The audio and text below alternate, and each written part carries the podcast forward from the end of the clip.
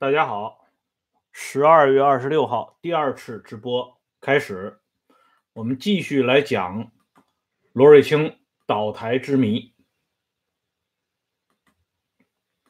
今天要讲的题目呢是黄永胜向罗瑞卿诉苦，以及黄永胜关心贺龙的身体健康对林彪造成的刺激。在今天的直播开始之前呢，我要纠正这两天直播过程中的两次口误。一次呢是之前一个朋友提出来，我在前面的一期节目里提到董必武的官衔的时候，说的是国务院副总理董必武，这个不准确，应该是国家副主席董必武。董必武呢，严格的讲没有担任过国务院副总理，他只担任过政务院副总理。所以这个朋友啊提的建议非常好，我在这里呢表示感谢。咱们这个节目，如果大家发现了啊有哪些这个口误啊、错漏啊，都希望大家在节目结束之后的回复里边提出来，这样呢让我们这个节目尽可能的减少错误。还有一个呢，就是刚刚播出的这个八三四八三四幺这个节目。有的朋友就提出来了，三个朋友啊，他就说你这个算的不对啊，四十一是应该从三五年遵义会议啊说起，而不是从一九四五年他在七大上当了党主席说起，这说的一点都没错。我为什么会出现这个口误呢？跟我自己啊，经常这个啊。想到的一个事情啊，有直接关系。时间长了，刚才直播的时候就没转过弯来。想到一个什么事情呢？就是康生在延安的时候呢，跟毛泽东说过这样一番话。他说：“主席啊，就是朱洪武在世。”毛泽东听完以后呢，哈哈大笑。一九七五年康生死了以后呢，毛泽东有两三天的时间就是闷闷不乐。他对康生给予的规格非常高，追悼会的规格非常高，大家也可以看一下那个时候的报道。他为什么闷闷不乐呢？因为朱洪武在位三十一年，啊，正好是从一九四五年到一九七六年，正好三十一年，啊，这个预言朱洪武的人先于毛泽东就走了，所以毛泽东可能呢。是出于忌讳啊，还是出于怀念呢？这个具体什么感觉我们就不知道了。但是这件事情呢，我听别人跟我说起以后，我印象就特别深。结果在讲这八三四幺这四幺的时候呢，就把这个三十一啊，这四十一说成了三十一这个，所以在这里呢进行一下纠正。我们今天呢主要来讲黄永胜这个话题。在讲黄永胜这话题之前呢，把昨天没有结束的一个段落，把它补充完整。昨天不是讲周恩来给罗瑞卿和林彪双向挖坑吗？啊，就是在驻沪部队的那个题词上边，为什么咱们给周恩来定义为是挖坑呢？因为周恩来啊，他不是一般人，他在这种题词方面那是非常。有讲究的，比如说他给公安部的题词，我在之前的节目里边已经说到过。毛泽东的那个题词言简意赅，刘少奇和朱德的题词呢就是照本宣科，而周恩来的题词，他是完全揣摩了毛泽东的题词的主要含义之后，跟着毛泽东的题词。所以这两个题词，我在那期节目里详细给大家读了一下。今天呢，不再重复。今天要讲的是一个故事，就是在三月十号，周恩来给上海部队题词五天之前，三月五号，周恩来在人民大会堂审看大型舞蹈史舞蹈史诗啊《东方红》史诗《东方红》的时候，做的一个重要的批示和讲话。这个批示和讲话是怎么来的呢？周恩来在看《东方红》的时候呢，他在座谈里边提到一个重要的修改意见。他说：“这个舞蹈史诗啊，要反映出主席的思想有深厚的群众基础，主席领导地位的确定正是群众意志的集中反应。所以周恩来那个时候很早就交代过肖华，总政治部主任肖华呀，他说东方红的开场不准用南昌起义做背景，从秋收起义开始搞，一个字儿都不要提南昌起义啊。萧华那个时候呢还不是特别理解，但是周恩来告诉他，你就照做就行了。接下来呢？他在三月五号审看的时候，他提出来，南昌起义部队的旗帜可以不要啊。之前呢，萧华虽然撤销了南昌起义的画面，但是还是保留了南昌起义部队的旗帜啊。因为南昌起义不光有周恩来参加，也有贺龙，也有刘伯承、聂荣臻、朱德啊这些元帅当中的一大半都参与了南昌起义。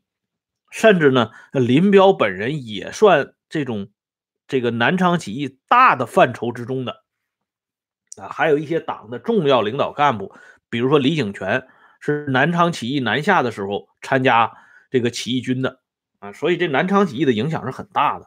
但是周恩来强调，南昌起义部队的旗帜不要改用中国工农红军的旗帜。感谢赵先生超级留言啊。这个改动是很重要的，这就反映出周恩来在当时对当时的那种情况下的政治这种波动了然在胸。毛的这种个人崇拜运动呢，已经是逐渐往高潮推进，因此周恩来对东方红出现什么样的画面，出样出现什么样的旗帜，那是必须。到了啊斤斤计较的地步的，所以从这个例子，我们也可以反推出来：难道周恩来不清楚一九六五年三月份林彪的实际地位吗？不可能啊！所以周恩来说我的题词与你们国防部长有所区别，这个话意有所指啊，他不是随随便便说的。因此呢。昨天我向大家展示的发表在《中共党史研究》一九九六年第一期金春明老先生的那篇文章，实际上是有断章取义的嫌疑的，因为他的那篇文章举周恩来的例子，首先呢没把周恩来的这个题词没有啊写全面了，他只强调周恩来后边的那句“从严啊从难来训练部队”，借此呢来点名。党内有一股健康力量在抵制个人崇拜和左的路线，其实这种结论是根本站不住脚的。党内根本不存在任何健康力量，包括彭德怀在庐山上书，他也无非是骨鲠在喉，亲眼目睹了他家乡那些老百姓的惨状，他呢？效仿古代那那些大臣给皇帝上书进言那种方式，他也不可能代表一股啊所谓的健康力量向毛泽东的权威进行挑战，根本就不存在的东西，所以进行论断是比较滑稽的事情啊。但是金春明老先生这篇文章的重点贡献就在于呢，他点出了周恩来说的这番意味深长的话。如果不是这篇文章的话，我们不知道周恩来还说过这样一番话。而这番话给林彪、罗瑞卿两个人关系上边投向了什么样的啊印象？大家想来应该不难分辨。与贺龙走的关系很近，周恩来要不得不敷衍罗瑞卿。周恩来为什么要敷衍罗瑞卿呢？一个是众所周知罗瑞卿同毛泽东的关系，还有一个是鲜为人知的罗瑞卿同江青的关系。这个呢，我要专门来讲一期罗瑞卿同江青的关系。这件事情呢，罗宇和罗点点在他们的回忆录里边呢都没有过多的涉及，可是我们必须要涉及，因为罗瑞卿同江青的关系非常能够。说明一些问题，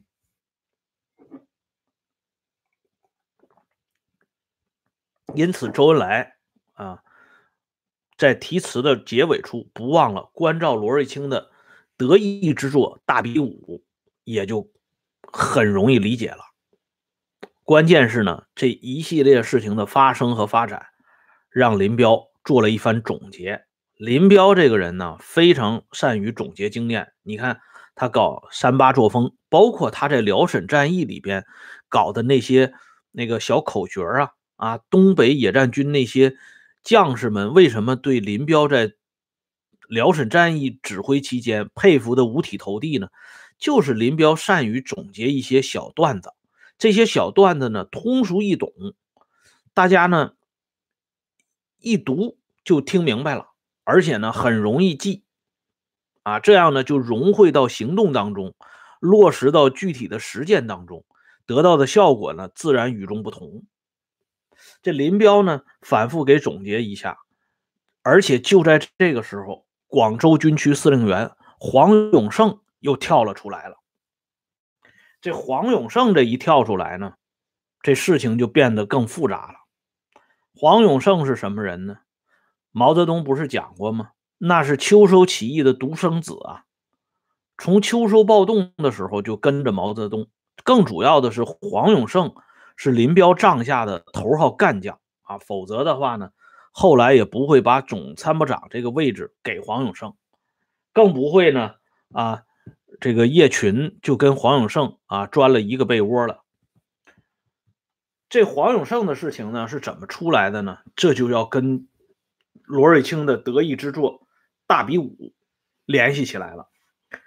大比武这件事情呢，最初我们讲过啊，是由叶剑英发现的郭兴福教学法，后来被罗瑞卿拿到手里。罗瑞卿看到伟大领袖对这个大比武非常有兴趣，于是呢，他就把这个事情抓了过来。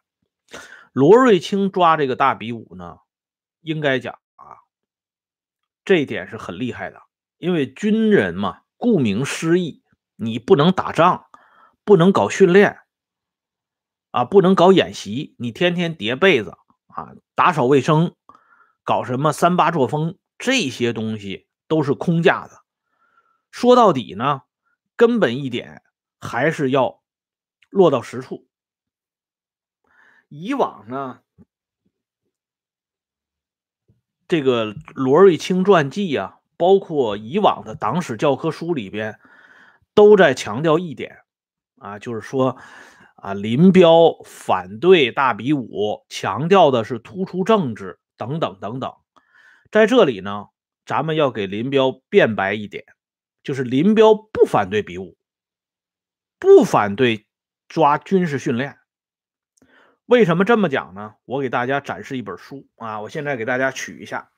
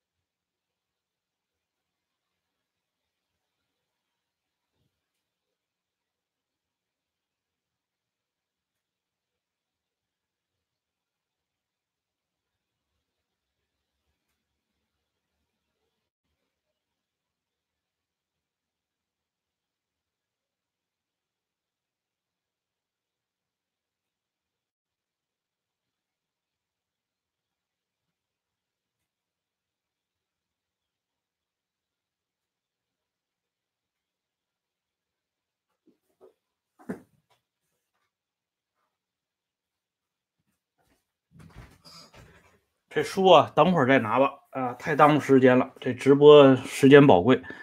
啊，明天呢，我会把这段话呢给大家补上。这段话的原始出处呢是在建国以来毛泽东文稿当中。这个文稿当中呢，收录了林彪一个长篇的讲话，就是关于狠抓军事训练啊，突出强调这个军事训练对军事工作的重要性。从这篇原始啊这个史料呢，我们就可以看出来，以往像罗瑞卿传里边给林彪呃加诸在头上的一些啊反对大比武的说法呢，其实是站不住脚的。林彪是不是反对大比武？要从两个方向来说。第一，林彪不反对单纯的意义上的大比武。第二，林彪反对的大比武是罗瑞卿版本的大比武，因为罗瑞卿版本的大比武，某种意义上讲是不折不扣的抢戏，在林彪看来是抢戏。一个呢是他的这个大比武。对林彪一直强调的四个第一，突出政治是一种强大的冲击，这样呢，就让林彪的那个搞的那番东西呢，谢谢老弟打赏啊，搞的那番东西呢，就黯然失色，这是林彪反感的。还有一个最重要的一点，就是林彪发现，通过这场大比武，罗瑞卿这位军委秘书长兼总参谋长。同各大军区司令员的往还非常频繁。这些大军区司令员，像北京军区司令员杨勇、济南军区司令员杨德志，啊，甚至包括我们现在讲的这广州军区司令员黄永胜，这些人不得了啊！这些人都是手握兵权、横霸一方的诸侯啊！你像韩先楚、许世友。李德生、呃杨得志这些人，后来在九幺三事件发生以后查抄毛家湾的时候，都找到了一些对他们不利的证据。可是呢，伟大领袖不愿意深究，包括对李德生，也无非就是把他下放到沈阳军区担任司令员，政治局委员的资格呢都没有剥夺，无非是中共中央副主席别干了，中央军委副主席也别干了，仅此而已。等杨得志和韩先楚呢，就是通过八大军区对调的时候，让他们转换一下角色而已，平级调动，不敢深究。而像北京军区司令员杨勇呢，到了罗瑞卿后来落难复出的时候，已经就是一个空头衔的军委顾问了。但是在公开场合下，杨勇坚持让罗瑞卿先走，自己紧随其后。而且一口一个总长，罗瑞卿自己都说我已经不是总长了，啊，杨得志说你不是总长，你曾经是总长，反正你要先走，哎，从这些例子里边呢，我们就可以看到李德生文革前当然没有露面，也不是完全没有露露面，郭兴福教学法就是人李德生发明的啊，从这些现象就可以看出。罗瑞卿同这些大军区司令员这种频繁的接触，才是让林彪感到最不安的。其中最具代表性的就是黄永胜。为了抵消罗瑞卿这个大比武的影响呢，林彪让叶群到下边去摸情况。叶群呢就摸上来一个情况，摸到一个大比武冲击了突出政治的这么一个情况，写了一个调查报告。这个调查报告呢，让林彪抓在手里，如获至宝。然后呢，林彪逢人就说：“你看这个大比武搞的吧，把突出政治这么个主线都给搞模糊了。”因为那个时候林彪还没有准备同罗瑞卿摊牌和翻脸，因此呢，他这个话说的也比较含蓄。罗瑞卿拿到这个报告以后呢，罗瑞卿也坐不住了，因为林总反对。的这个意思呢，已经表达出来了，因此呢，罗瑞卿就召集了一次由大军区司令员参加的这种座谈会性质性质的听报告，就是大家都来说一下群策群力，一起说一下这个大比武到底好不好，或者有什么毛病，坏在哪里，一一指出。结果这场会呢，开成了表扬和自我表扬的会。啊，与会者这些手握军权的大军区司令员呢，非但没有对大比武冲击政治这件事情提出任何质疑和批评，反而呢都变相的对罗瑞卿进行吹捧，就是说这大比武搞得非常好，从形式到内容，从形象到效果，总之就是一个好字。更有意思的是啊，这座谈会之后呢，到了一九六五年的时候，一九六五年一月啊，罗瑞卿啊，一九六五年三月，罗瑞卿到广州，广州军区司令员黄永胜热烈招待罗瑞卿，然后呢，他对罗瑞卿就谈了这么一件事情，他说这总政治部派工作组下到下边来检查，说我们这大比武啊，冲击了。突出政治这个主题，黄永胜呢就把这总政工作组啊，在他心目中呃留下了多么恶劣的印象，向罗瑞卿呢进行了一番诉苦。这个诉苦的原话是这么说的：“他说，总长，生产部队到插秧季节了，如果上课时间不去上政治课，就说你不突出政治。”如果你抢时间插秧，就说是生产冲击了政治啊！这罗瑞卿呢，就赶紧告诉黄永胜说：“主席都讲过，要不违农时，像你反映的这种突出政治啊，理解突出政治恐怕不妥。”大家不妨看看啊，这段史料呢，是从《罗瑞卿传》当中出来的。这有朋友问郭兴福的这个事儿啊，郭兴福啊，这里这朋友问的挺好啊，因为前面就忘了说这郭兴福的事儿了。这大比武呢，本来是李德生和叶剑英发现郭兴福这个苗子，后来罗瑞卿把郭兴福呢抓在手里，对郭兴福呢进行啊不次的栽培和培养。郭兴福对这位罗总长呢也是念念不忘。文革余生之后呢，郭兴福要到北京去看望罗总长。据说呢，后来郭兴福是死于车祸。啊，他在车祸现场，交通警察翻看郭兴福的上衣口袋的时候，发现呢，郭兴福上衣口袋里装了一张罗瑞卿的遗像。啊，因为他是郭兴福，好像是去世于八十年代中期。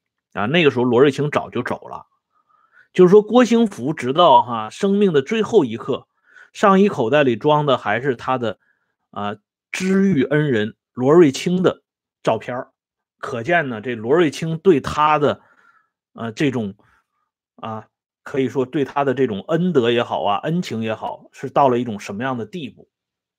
这黄永胜啊向罗瑞卿诉苦。至少说明黄永胜当时站在一个军区司令员的角度，认为你们这个总政治部工作组没完没了的抓这种突出政政治，已经到了形而上学的地步，让黄永胜受受不了。更主要的呢是这黄永胜啊，还有一件事情让林彪也受不了。这个贺龙啊，我们都知道，贺龙他这个血糖不是高吗？身体呢一直是。啊，要受到这个饮食方面的控制。到了广州以后，贺龙到了广州以后呢，陶铸、黄永胜，这是党政军的一把手嘛，要宴请贺龙。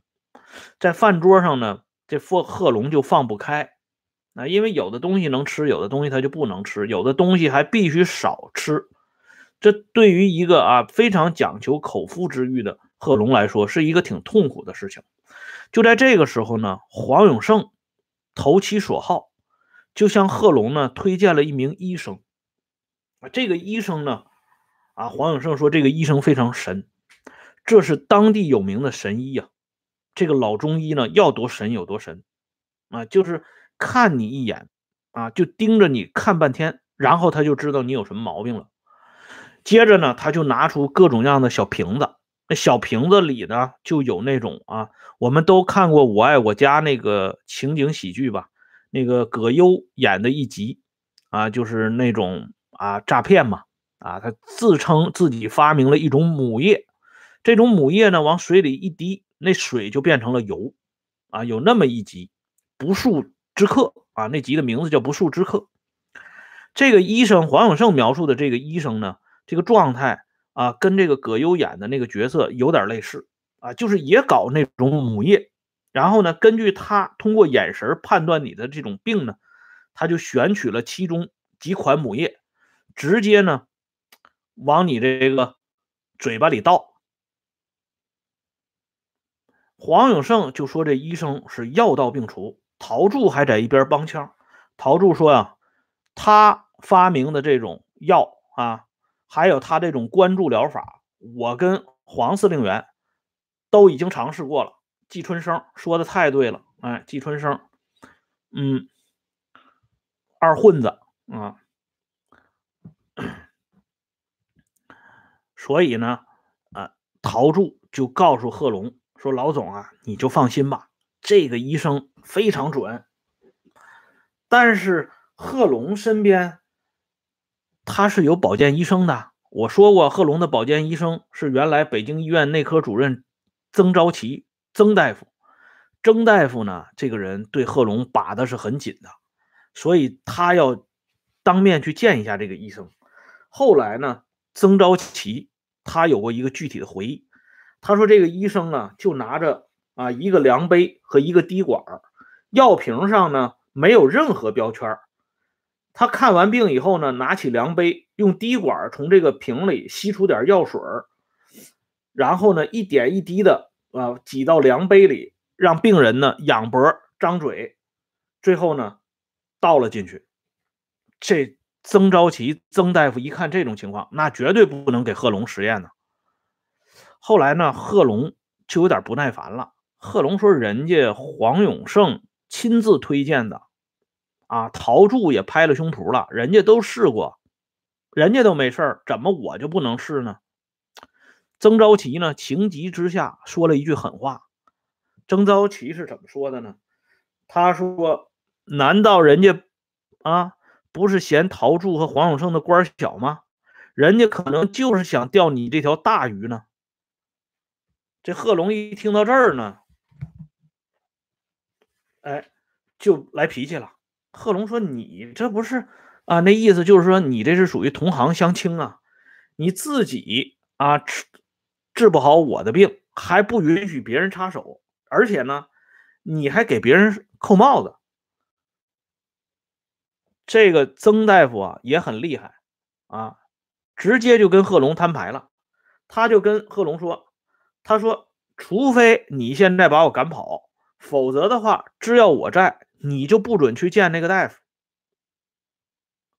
这两个人呢就闹僵了。这曾大夫呢气鼓鼓的看着贺龙，贺龙呢也气鼓鼓的看着曾大夫。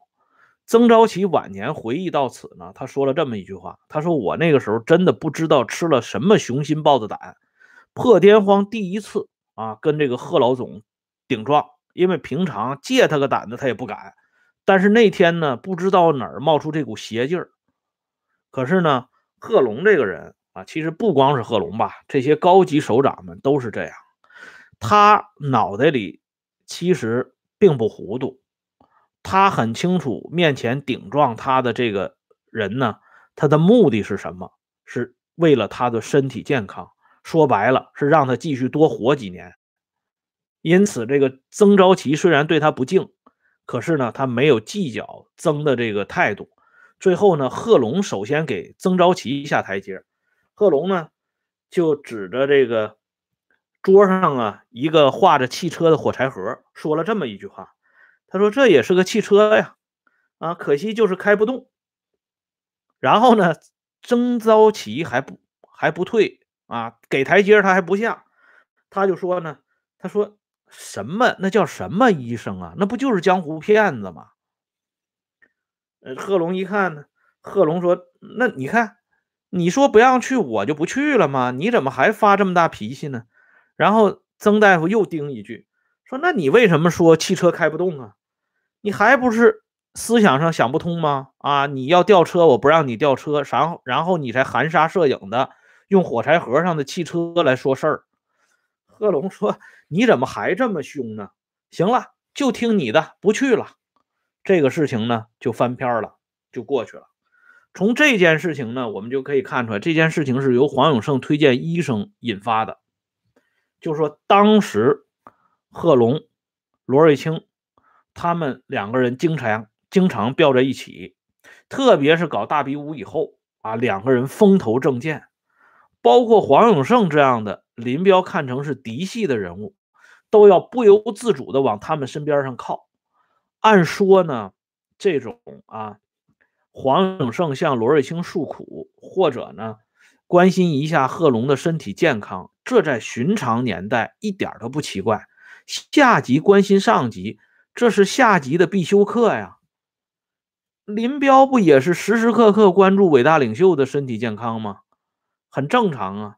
但问题在于时代它不一样啊，那是一个非凡的年代里啊，而且林彪那个时候一丁点都错不得呀。哎，不要说林彪一丁点儿错不得，伟大领袖也一丁点儿都错不得。尤其是他身边的这些人，他一定要看住。稍微有一点风吹草动，那他脑袋都要转悠半天呢，都要想半天。所以黄永胜的这种做法被人家汇报到林彪这里，林彪不是不放心黄永胜，而是不放心罗瑞卿他们继续搞下去。将会有一个什么样的局面在等着他林彪？而就在这个时候呢，又一个暴雷的事情让林彪给撞上了，就是一个比黄永胜量级还大无数倍的人物啊，替罗瑞卿公开站台。尽管呢，他公开站台是无意中说出的这两句话，可是让林彪那真的是坐卧不宁啊。这个人是谁呢？这个人又说了哪两句关键的话呢？咱们明天接着说。感谢两位朋友超级留言，我们明天再见。